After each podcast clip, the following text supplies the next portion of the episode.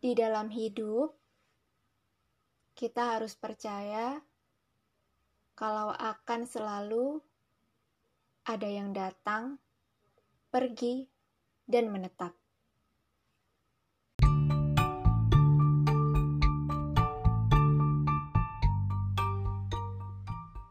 Sometimes kita ketemu sama orang, kita percaya banget sama dia tapi kemudian dia buat satu kesalahan yang sulit untuk kita maafkan, atau justru sulit untuk kita lupakan. Sometimes kita ketemu sama orang, kita kenal lama banget sama dia, tapi di ujung halaman ternyata tidak bisa jadi teman. Ternyata kita cuma dimanfaatkan. Sometimes kita ketemu sama orang. Terus ya, kita nyaman sama dia. Kita banyak samanya kayak dia. Pokoknya satu frekuensi lah. Kalau dilihat-lihat, gak akan pernah ada berantemnya. Tapi ternyata ada aja masalah. Yang pada ujungnya membuat kedekatan itu menjadi memiliki jarak. Sometimes kita ketemu sama orang yang gak pernah kita temuin sebelumnya. Bukan teman sekolah kita, bukan saudara kita, bukan deh pokoknya kita ketemunya baru. Dia ini dari awal udah kelihatan banget orangnya kayak gimana. Udah kelihatan banget kalau orangnya apa adanya. Yang kalau kita salah dia nggak pura-pura ngebenerin, yang kalau kita ngelakuin suatu keburukan gak cuma diem aja, yang ketika butuh sama kita sepenuhnya bilang gak memakai topeng teman supaya bisa dapat bantuan.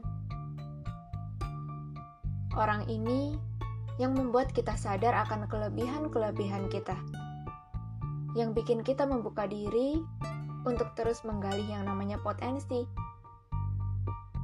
Orang inilah yang menjadi tokoh utama di antara semua pemeran-pemeran yang ada di hidup kita. Tapi sebelum ketemu orang ini, kita bakalan ketemu sama orang-orang yang bikin kita sakit hati. Yang bikin kita ngerasa kecewa sedalam-dalamnya. Yang bikin kita Awalnya sempat berpikir kayaknya semua orang itu sama. Kayaknya semua orang bakalan berujung dengan yang namanya kecewa dan luka. Tapi itulah hidup. Ada yang akan pergi, ada yang akan datang lagi, ada yang akan tetap menetap. Ada yang benar-benar menjadi orang yang gak akan pernah ninggalin kita Meski yang namanya manusia itu nggak sempurna, orang terakhir ini akan bikin kita sadar bahwa ketidaksempurnaan itu tetap bisa kita terima, dan dengan ketidaksempurnaan itu kita bisa jalan bareng sama dia. Orang inilah yang jadi sahabat kita, keluarga kita, teman kita, dan apa pun sebutannya. Intinya yang tulus